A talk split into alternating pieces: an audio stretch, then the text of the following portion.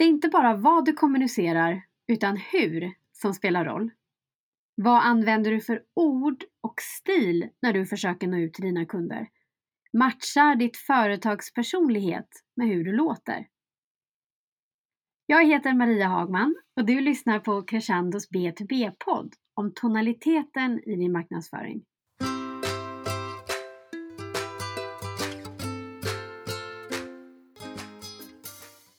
Wilhelm von Sydow är skribent och marknadskonsult hos oss på Crescendo. Välkommen hit!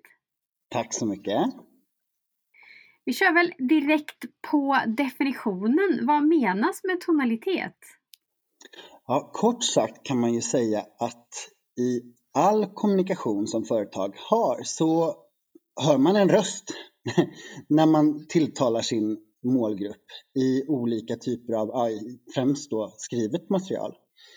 Eh, och den här rösten har ju en ton som läsaren uppfattar, precis som när man pratar har man en speciell typ av tonalitet. Och den här tonen påverkas av vad du väljer för ord, hur du uttrycker dig och vilken stil du har.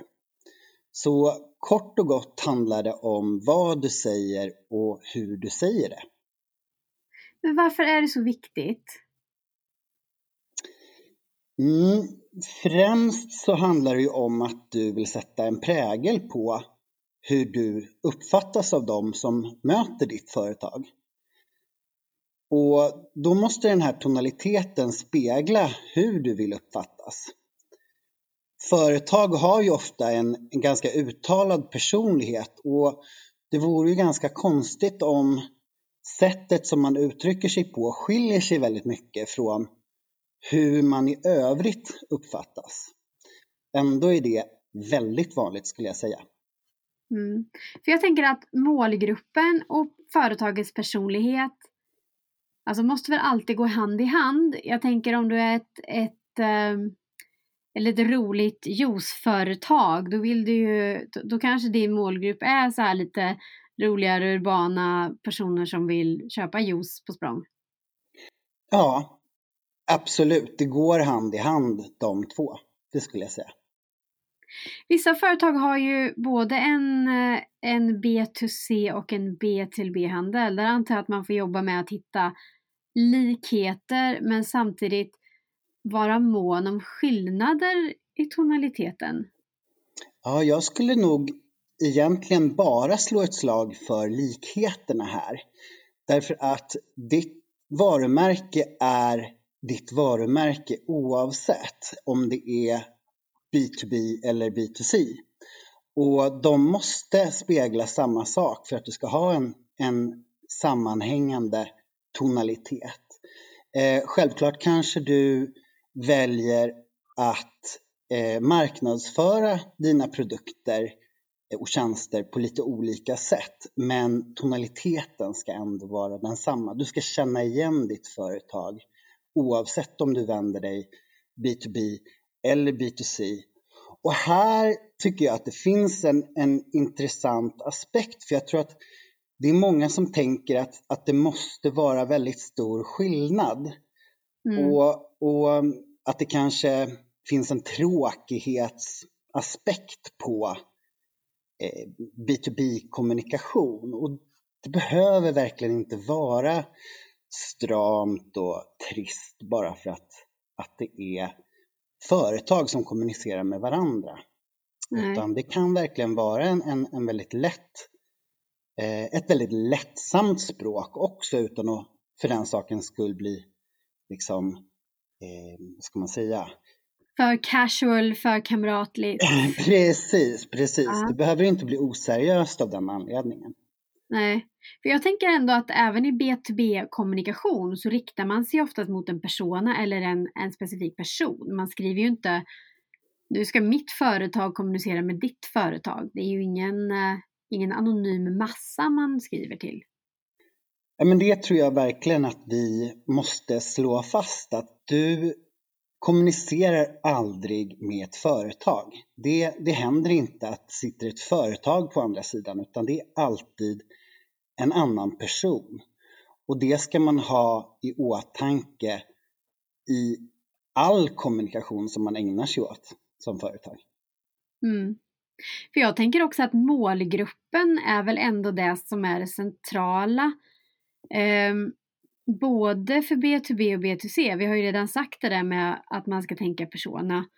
Eh, och jag tänker också att man vet man vilken målgrupp man vill nå så bör man väl fundera på hur ska den här målgruppen tilltalas? Och då tänker jag, ska man, ska man kolla på hur konkurrenter verkar prata med den målgruppen eller ska man kanske ha en testgrupp eller hur, hur får man fram rätt tonalitet? Mm. Det där kan man naturligtvis tvista om i all oändlighet men, men jag skulle säga att du måste hela tiden återknyta till vad du har för målsättning med din verksamhet. Den här målgruppen är mycket riktigt, som du säger, det centrala. Och om du inte har koll på vem den här målgruppen är, vad det är för persona som ingår, då har du också svårt att hitta rätt tonalitet. Mm. Fast det gäller att använda tänker man går ner i detaljer här, att man använder rätt slang, rätt. Du måste verkligen ha örat till marken när du ska nå vissa grupper för att höra att du använder up-to-date uttryck. Absolut. Självklart måste du liksom ha lingot klart för dig. Vad, vad finns det för terminologi inom den här branschen? Du måste liksom eh, på något sätt göra klart för, för, för läsaren att du faktiskt är insatt i ämnet på det sättet. Har du några exempel på när tonalitet träffar fel? När det blir fel matchning mellan ton och företagspersonlighet? Ja, jag skulle säga att jag ser det väldigt ofta faktiskt. Eh, jag sonderar ju terrängen rätt mycket i min roll som skribent eh, och framförallt då på en byrå som ändå har kontakt med väldigt många olika företag så kikar jag ju gärna på kunder eller potentiella kunders befintliga content. Och där kan jag reagera väldigt mycket om det är ett ungt företag, kanske en startup som har ett väldigt stelt eller byråkratiskt sätt att uttrycka sig.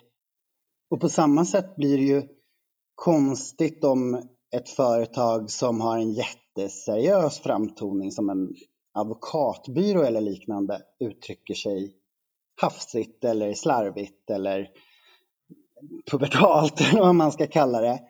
Mm. så i båda de här fallen skulle jag säga att eh, det skickar ut väldigt fel signaler om det är mycket språkliga fel i texten. Okay. Många mm. tänker ju inte på att, att det även blir en del av tonaliteten.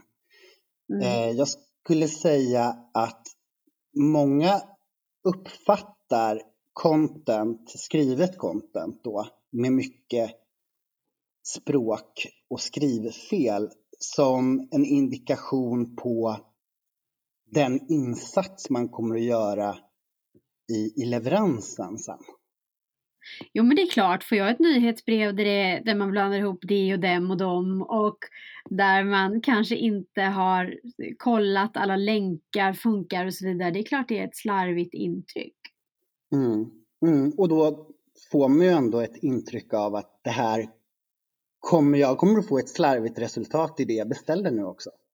Mm. Jag tänker oftast på hur eh, svenskar kan krångla till det när de ska skriva på engelska.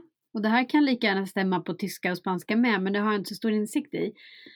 Och jag tycker alltid att det är bäst att man får hjälp där. Därför att bara för att man som svensk kanske är bra på språket betyder inte att man fångar upp alla, alla kulturella eh, betydelser vissa uttryck kan ha och som förekommer och vad som är faktiskt okej okay att skriva i ett visst språk, eller visst på engelskan då, då som, som man kanske tycker är lite coolt och häftigt på svenska kan bli väldigt fel när man använder det i sin kommunikation på engelska. Mm, jag, jag håller verkligen med dig här. Eh, jag ser ofta exempel på engelska i företagskommunikation där man förstår för det första att det inte är en native speaker som har skrivit det. Och sen kan man ofta utläsa en viss önskan om att briljera. Och då blir det ofta lite högtravande mm. kanske, man vill använda extra svåra ord bara för att visa att man kan. Och det ger ju helt fel signaler. För att det är inte alls säkert att det är det du vill säga eh, och, och, den tonalitet du vill ha. Så att jag förordar verkligen en eh, native speaker om man har det internt eller att man faktiskt tar hjälp utifrån. Eh, ja. mm. Så att man får en jämn tonalitet även på ett annat språk. Så det blir samma stil där också.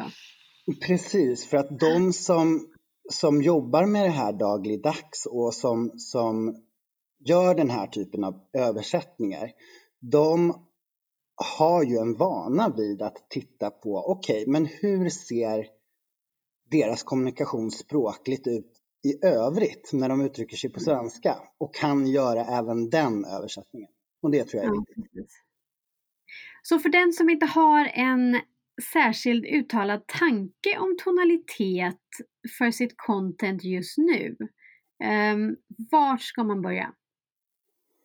Ja, det, det finns kanske inget enkelt svar på det, men jag skulle säga att initialt så måste du sammanfatta hur du vill uppfattas som företag. Vad finns det för värderingar? Vad har företaget för målsättningar? Hur ser internkulturen ut? Eh, för det är sådana saker som säger väldigt mycket om vad ditt företag har för personlighet. Och det är även det som ska speglas i tonaliteten. Mm. Sen så är det naturligtvis också så att när du kommunicerar och framförallt B2B skulle jag säga, så är det en fråga om vilket tilltal som skapar störst förtroende. Och där är det inte alls säkert att det är det här strama, formella språket som alltid är det bästa. Många gånger så är ett personligt du-tilltal mycket mer förtroendegivande och det är en avvägning som man måste göra innan man sätter igång och, och skapar content. Där kommer vi tillbaka till det här att du skriver för en specifik person och då blir ju ja. ett du-tilltal kanske mer, mer intressant. Mm, precis.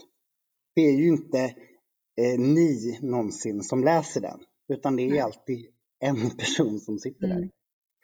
Och, och sist men inte minst så återigen då, ta hänsyn till målgruppen just. Vad, vad är det som kommer att tilltala just dem?